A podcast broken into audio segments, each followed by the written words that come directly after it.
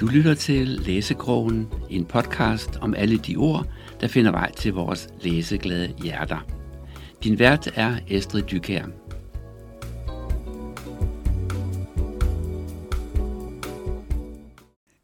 Velkommen til Læsekrogen, og velkommen Katja Randvits, som Tak. øh, er i studiet i dag. Du skal fortælle om, øh, ja, om dit forfatterskab og om Ukrudt, som er den første øh, roman i øh, Birgit Bakke-serien. Øh, og den vil jeg rigtig gerne høre lidt om. Øh, Ukrudt er jo udkommet tidligere i år, Mm. øh, og den har sådan tre bærende stemmer, Ja. man følger igennem øh, romanen. Og det er Birgit Bakkets, Ja. og øh, Magnalenas Ja. og Bjørn Kvads. Ja. Og vi springer lidt i tid. Ja. Så man skal lige sådan holde, øh, holde tungen lige i munden, og hvor er vi nu øh, tidsmæssigt, og der ligger også noget, noget skjult i det der tidsspring undervejs, fordi der er nogle sammenfald, og det er jo sådan, det er i sådan en kollektiv roman, hvor der er flere karakterer. Ja. Nogle gange så bliver historierne flettet sammen, og her skal man lige forsøge at aflure, hvordan det bliver flettet sammen, fordi der også er nogle, nogle tidsspring. Ja, Så lad os tage fat i, øhm, i hele, selve, selve scenen. Vi har Mårup, en Ja. idyllisk lille landsby. Ja. Uden for Mårup ligger der et kloster. Ja. Der er meget lukket med voldgrav og alt muligt andet. og nogle, Vippebro. ja, og Vippebro. Det er, vir- det er Ja. faktisk nærmest en borg, ikke? Jo, jo. Øhm, og der øh, hersker Abdisse Rimor. Og vi, det er sådan lidt uklart, hvad der foregår derinde, for det er så lukket for samfundet. Og så er der Birgit i en lille familie, som udefra ser hyggeligt ud i det der lille hus, hun bor i, med mor og far. Ja. Og far er ikke så rar. Nej. Og, øh, og så er der Bjørn Kvad, som er i byen, og han er leder af en sekt. Ja, han kalder det menighed. Ja. De andre vil kalde det sigt. Ja, det, ja. Det tænker jeg, det er. Ja. Øh, og, og det er så, nu har vi sat scenen. Ja. Og, øh, og så, så foregår det noget. Og vi, lad os lige sige, vi er tilbage i, i 1960 til Ja. 69. Ja. Øhm, og hvad er det? Hvad er det, der sker? Hvad er det, hvad er det for en historie, vi har her? Det er ikke, en, det er ikke feel good. Nej, det er det ikke. Nej. Øhm, som det oftest er, når jeg skriver, så er det for at give udsatte mm. En stemme. Ja. Øhm, sætte ord på noget af det, som er rigtig svært mm. At forholde sig til. Øh, det synes jeg er vigtigt, at man gør i, i livet. Ja. Alt er ikke kun det, man ser ud af til. Mm. Fordi lige så lukket som sam- samfundet er på øen Ja. øh, med klostret, Ja. lige så lukket er Birgits familie. Ja. Moren lukker jo hele huset, kan man sige på en eller anden måde, og, så de ikke ses med nogen, så de Mhm. mm. ikke kan se, hvad der foregår i. Ja. Ikke? Ja, fordi det, det der sker, nu, nu kommer der til at være en lille bitte smule en spoiler her. Vi. Ja. afslører lidt, Ja. at i, i Birgits familie er faren lidt en tyran. Han er ikke særlig sød ved moren, og han er også temmelig øh, grænseoverskridende over for Birgit.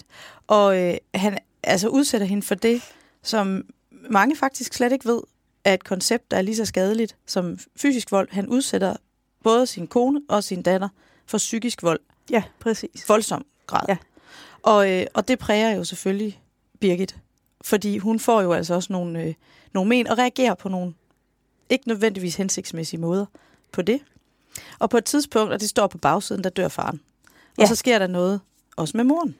Fordi ja. så er det jo lige pludselig, hun jo måske også som produkt af farens øh, adfærd over for hende, faktisk søger en ny til at, Tyran. ja, en ny tyran, en ny til at overtage kontrollen og styringen i hendes liv. Ja. Og det er jo så Bjørn Kvad. Bjørn Kvad, Ja. som jo er i den her sekt. Ja. Og Bjørn Kvad, han har jo også opdaget, at der er Birgit, og så har han troet ind i klosteret.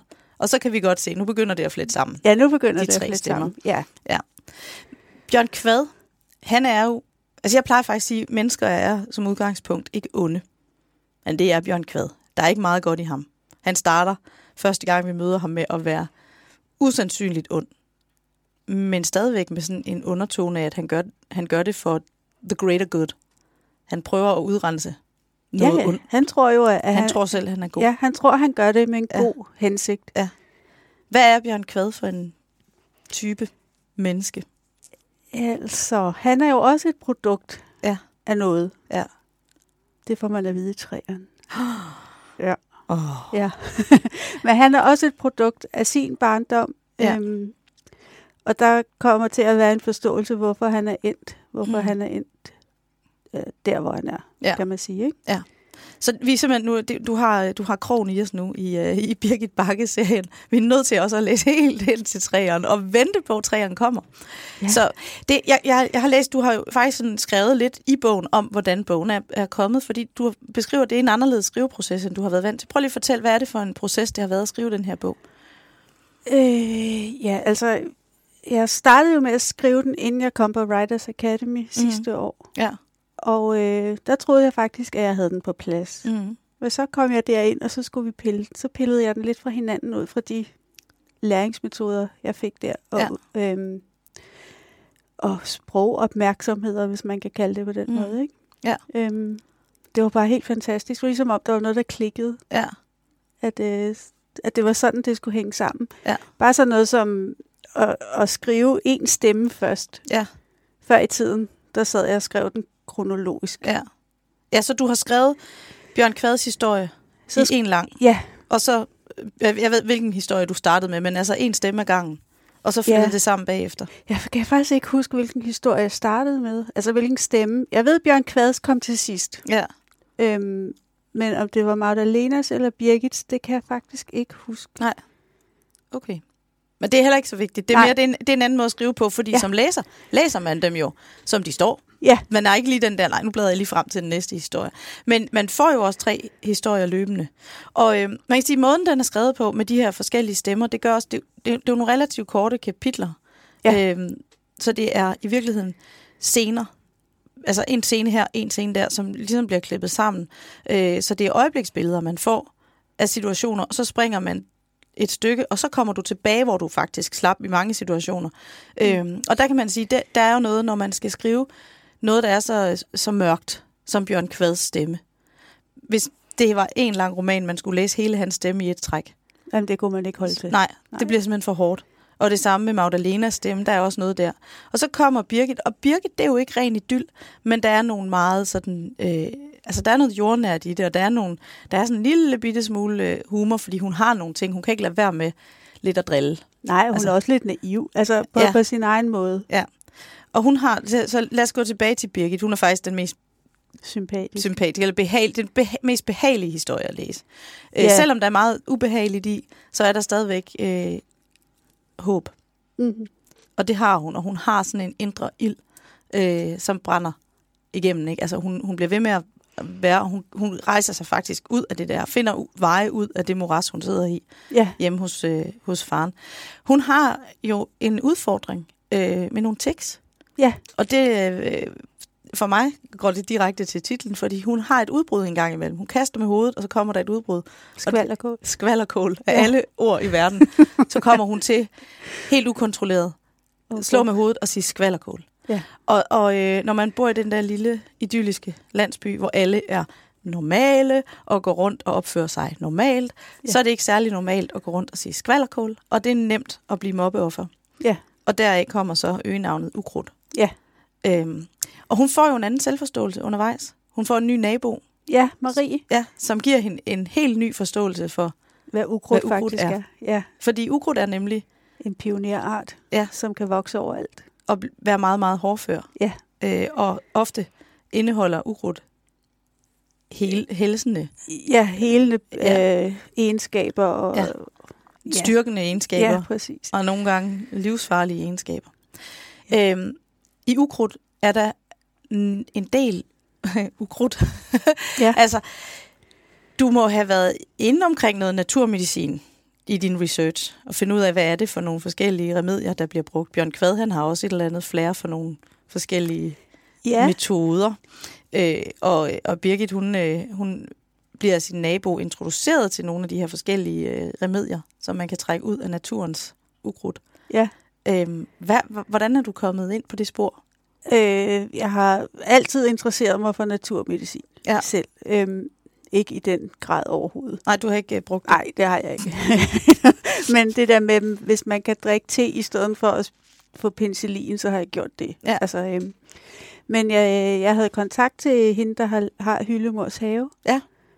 Og, øh, som hjalp med alt, jeg Ja. stillede spørgsmål til. Og så har jeg læst, og så har jeg været inde på, øh, åh, hvad pokker hedder det?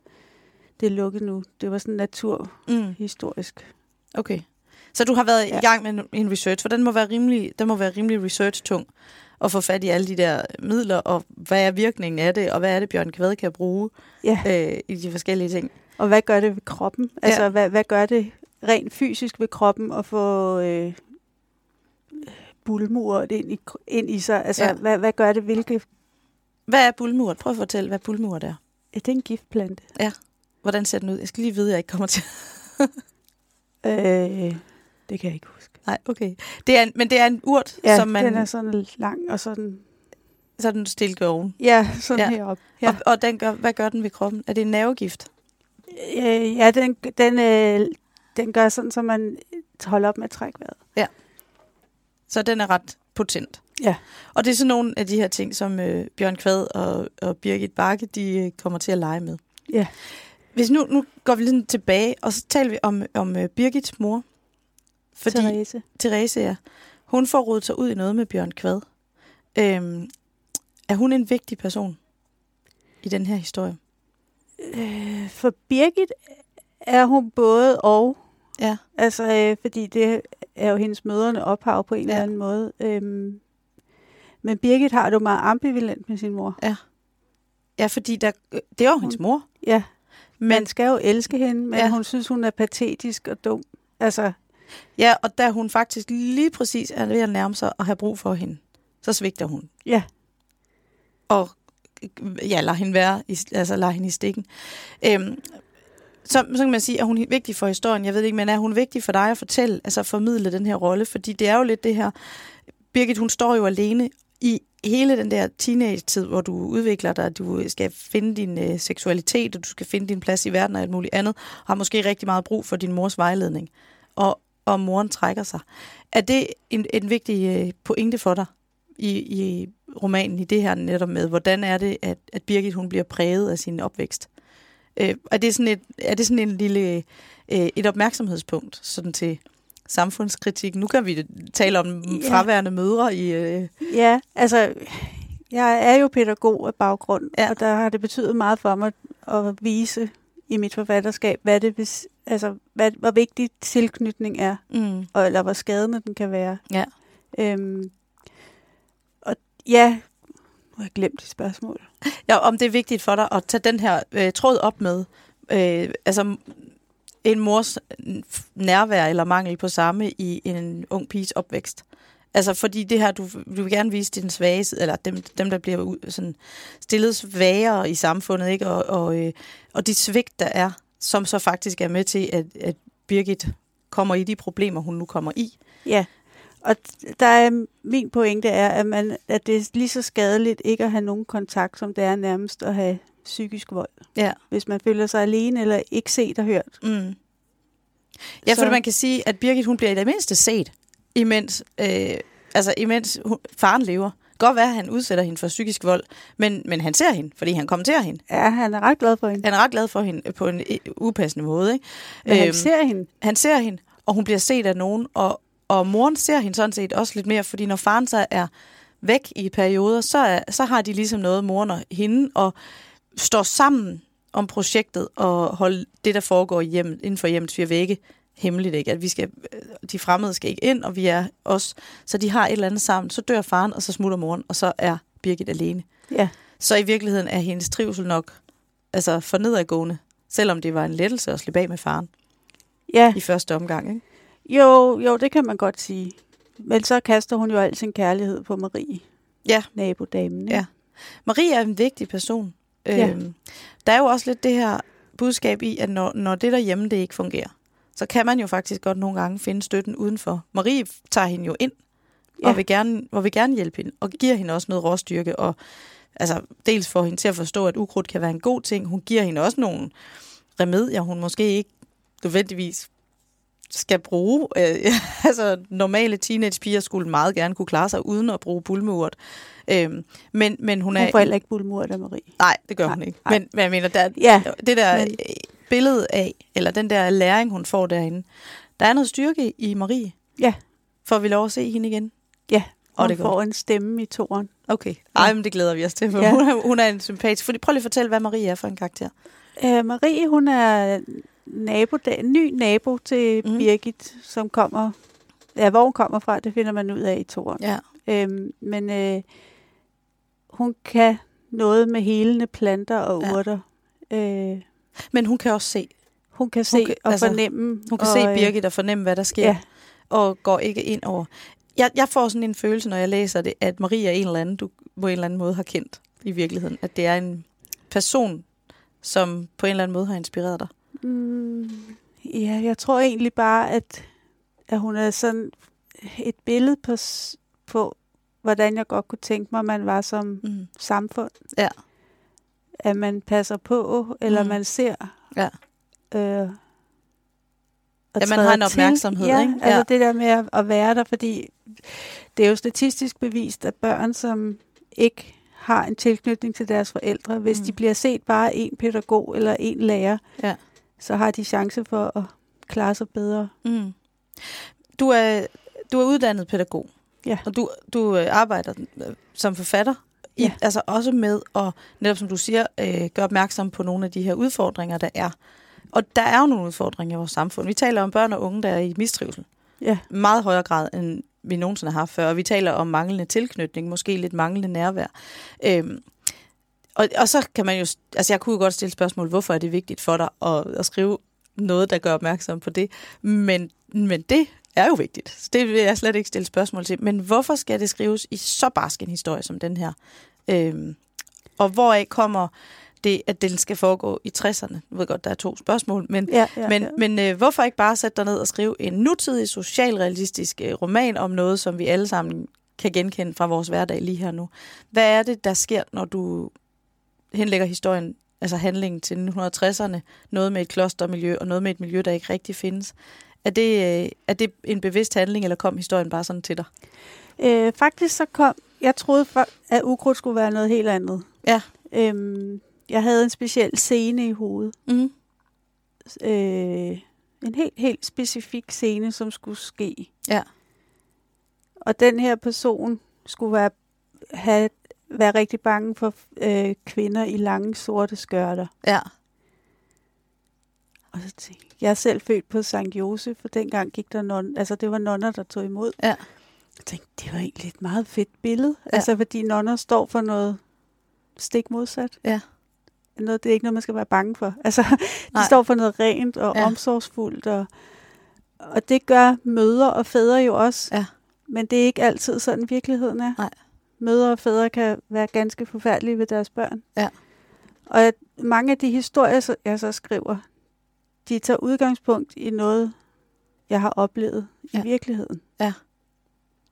Og man tror tit, at alting er lyserødt, og fordi det ser man også på de sociale medier. Ja, man det er lægger det, kun viser. pæne ting op, Mm. mm. og man ser kun naboens pæne facade af huset ja. og sådan noget. Man ser aldrig, hvad der foregår indenfor. Nej, og du, du ser også de her øh, arbejdende kvinder, de får jo en masse altså, styrke, og de får altså karriere, og det kører ud af, og man har også råd til meget mere, når man ja. Ja. er to udarbejdende forældre. Men bagsiden af medaljen er måske netop nogle børn, der altså, går alene Ja, og er i mistrivsel. præcis. Og forældrene får lidt stress ved tanken om, at de også skal til et møde med kommunen, fordi at barnet er i Ja. mistrivsel, eller hvad det nu måtte være. Er det den side, du vil fortælle? Ja, det er det. Øhm, og det er også, og nu kom du spurgte, hvorfor det var i 60'erne. Ja. Det var fordi, at den scene, jeg har i hovedet, ja. den skal foregå i 90'erne. Ja, okay. Men den skal jo, der skulle, lige pludselig så skulle Birgits historie fortælles. Det var slet ikke hende, jeg skulle have skrevet. Nej, men det okay. blev det. altså, det er jo sådan, det er at Ja. være forfatter. Nogle gange, så sker tingene bare. Det er lidt i virkeligheden, hvis du planlægger dit liv, når du er 20, ja, og du så kigger tilbage, når du er 40, så opdager du, at det var ikke det hele, der det gik efter planen. andet. Ja. Og sådan er det også med karaktererne i en roman. Så jeg har jo faktisk planlagt ni bøger. Ja, okay. Sådan tre trilogier. Ja. Så prøv at fortælle lidt om, om den serie. Fordi nu har vi Birgit Bakke-serien. Ja. Og det er så ni bøger. Det er ni bøger. Ja. Ja, Og den skal, de skal køre frem til, til nutiden. til nutiden. Ja. ja. Og det er den, den første her. Det er ukrudt. Hvad kommer den næste til at hedde? Bare så vi lige kan holde øje. Utøj. Det er utøj. Man kan næsten fornemme, Ja. hvor vi er på vej hen. Ja. Men det er så nu den første af ni. Men altså, jeg lovede i starten, at du ville fortælle lidt om dit forfatterskab. Fordi det er jo ikke den første roman, du har skrevet. Du har også skrevet andre ting. Jeg har skrevet en øh, tidligere trilogi om Cecilie Knudsen. Ja, og hvad er det for en, øh, bare sådan kort, hvad er det for en type Ja. romaner? Det er, det er også krimitriller. Ja. med en pædagog i hovedrollen. Ja. Og som handler meget om, øh, hvad hedder det, børnehjems svigt, ja. øh, pædofili, overgreb, overfald. Det er nogle meget voldsomme emner. Det er jo lidt det, jeg vil ja. frem til, ja. du, du skriver om. Og, og det er vigtigt, det her med omsorgssvigtet og sådan noget. Øhm, gør det, er, det ikke, er det ikke hårdt at skrive om? Nu spørger jeg bare sådan fuldstændig øh, jo. ærligt, fordi jeg synes, når, man, når jeg skriver om noget, der er så mørkt, så bliver jeg jo stillet sådan helt... Det er tungt. Påvirker det dig ikke at skrive om de her svære emner? Jo, det gør det. Øhm, og det var også derfor, at Cecilie Knudsens trilogien blev, som den blev. Fordi mm. jeg gik ned med stress, da jeg var pædagog. Ja. Øhm, og jeg kunne simpelthen ikke rumme alt det, man er vidne til. Nej, for der ligger mange ting, man ser ja. mange skæbner. Og ja. du, når du er pædagog, og du er den der øhm, professionelle øh, rolle, så kan der er jo en grænse for. Altså, du har noget underretningspligt og sådan noget. Hvis der sker et eller andet, så skal du give besked til kommunen, men du har også her til ikke længere. Der er jo nogle ting, du kan gøre. Ja, ja. man skal kunne slippe det, når man går ud af døren. Ja. Det er nogle gange svært, når man har med mennesker at gøre, synes jeg. Ja. Altså, ja. ja. Man bekymrer sig jo og kære om dem, ikke? Altså. Ja. Og, og så, øh, så tænker jeg, at du gik ned med stress, mens du var i det job, men hvordan påvirker det dig så at skrive de her historier? Er det så en form for bearbejdning, eller altså, at det der med, at du kan highlighte nogle, nogle udfordringer og skrive om nogle svære temaer, øh, og måske gøre det omkringliggende samfund opmærksom på de her udfordringer. Ja, altså Cecilie Knudsen-trilogien, det var helt klart en terapi, sådan, mm. og, en, og en afsked med faget. Ja. Øhm, og så har jeg prøvet med ukrudt, der har jeg også skrevet jeg fortæller i nutid, det gjorde jeg ikke i den anden. Nej. Øhm, har jeg prøvet at, at forholde mig til det på en lidt anden måde, samtidig med at få fortalt, at livet er ikke kun lyserødt. Mm. Og at det der måske, som er Birgit, nu har vi været inde på, hun siger skvalderkål. Ja. At det, hun bliver drillet med, men det ender faktisk også med at være hendes styrke. Ja. Altså, det kan godt være, at det, du synes, er det, der skiller dig ud, og det, du kan blive drillet med, men det kan ende med at blive det... Ja, der gør dig allermest stærk. Ja. ja. Og ja, fordi hun er jo også, hun starter jo også med, at hun skal, for det er en del af hendes personlighed. Altså, ja. hun, hun er sådan, hun kan ikke lave det om, og hun får hele tiden at vide, at du skal undertrykke det, du skal undertrykke det. Ja, altså, moren vil give en mælk, ikke? Fordi ja. det har lægen sagt, det. Ja, ja, altså hun skal, men, det, men det er sådan lidt, du, det der, det må du ikke, det for, altså du må ikke skille dig ud, og du skal være ligesom alle andre. Ja. Og det er bare fra barns ben, for du at vide, at du skal lave om på dig selv. Øhm, og og det, det er der jo også noget altså helt forkert i. Men det er jo det, vi gør. Altså, ja, ja. vi går jo, mange går jo rundt med sådan en, øh, en opdragelse hele tiden. Du har jo din mor med igennem livet, selvom hun ikke er der. Så ved du godt, at de der ting, det skal du nedtone, og det der, det skal du gøre mere af og sådan noget. Men vi har jo et helt normalitetsbegreb, ja. som man gerne skal passe ind i en kasse. Ja. Og lige så snart du ikke gør det, så er du nærmest unormal. Ikke? Så er du altså, aparte, og så ja. skal du kanøfles, og det har vi jo haft lige siden ja, hos og jeg tænker, at nogle gange så er der faktisk noget styrke i ikke at være 100% som alle andre. Mm. Altså, at ja. man er sig selv, og man kan noget helt unikt. Ja. Det er det, jeg gerne vil vise. Ja. Og det er det, Marie hjælper ja. Birgit med at se. Og så er det, vi øh, jo må vente i spænding og ja. se, hvordan hun, øh, hvordan hun udvikler sig over tid. Ja. Øh, og hvordan, øh, hvordan hun finder sin egen indre styrke. Øh, ni romaner. Ja. Det er et meget, meget langsigtet projekt. Ja. Det er lavet, ja, det er, det er også indtil videre er det sådan i mit hoved, ikke? Ja. Men jeg har outlinet de tre første. Ja. Og så øh, de skal være sådan en trilogi, der på en eller anden måde bliver afsluttet. Ja. Og så skal det gå videre i den næste ja. trilogi. Ja. Og så den sidste trilogi, hvor det bliver flettet sammen, de okay. to første. Ja. Så det er et langt projekt. Vi har meget at se frem ja. til. Ja. Og, du har, øh, og du har ligesom også planlagt dit uh, arbejdsliv de næste, ja, ja, ja, ja. de næste par år. Ja. Så, uh, så der er meget at glæde sig til. Øhm, det er uh, Superlux, som, uh, som har udgivet uh, Ukrudt. Ja. Og det er også der, de, uh, de næste otte bøger ja. kommer inden for en eller anden tidsramme. Og, uh, og der kan man købe bøgerne. Ja. Kan og man kan låne dem på biblioteket. Ja. Og uh, også dine andre bøger, dem kan man også låne på biblioteket og lytte til på e-reolen helst. ja. ja, de er også lagt som lydbøger. Ja. Øhm, tak fordi du kom, Katja. Tak, det var en fornøjelse at hilse på dig og snakke lidt om ukrudt. Tak fordi jeg måtte. Ja. Tak.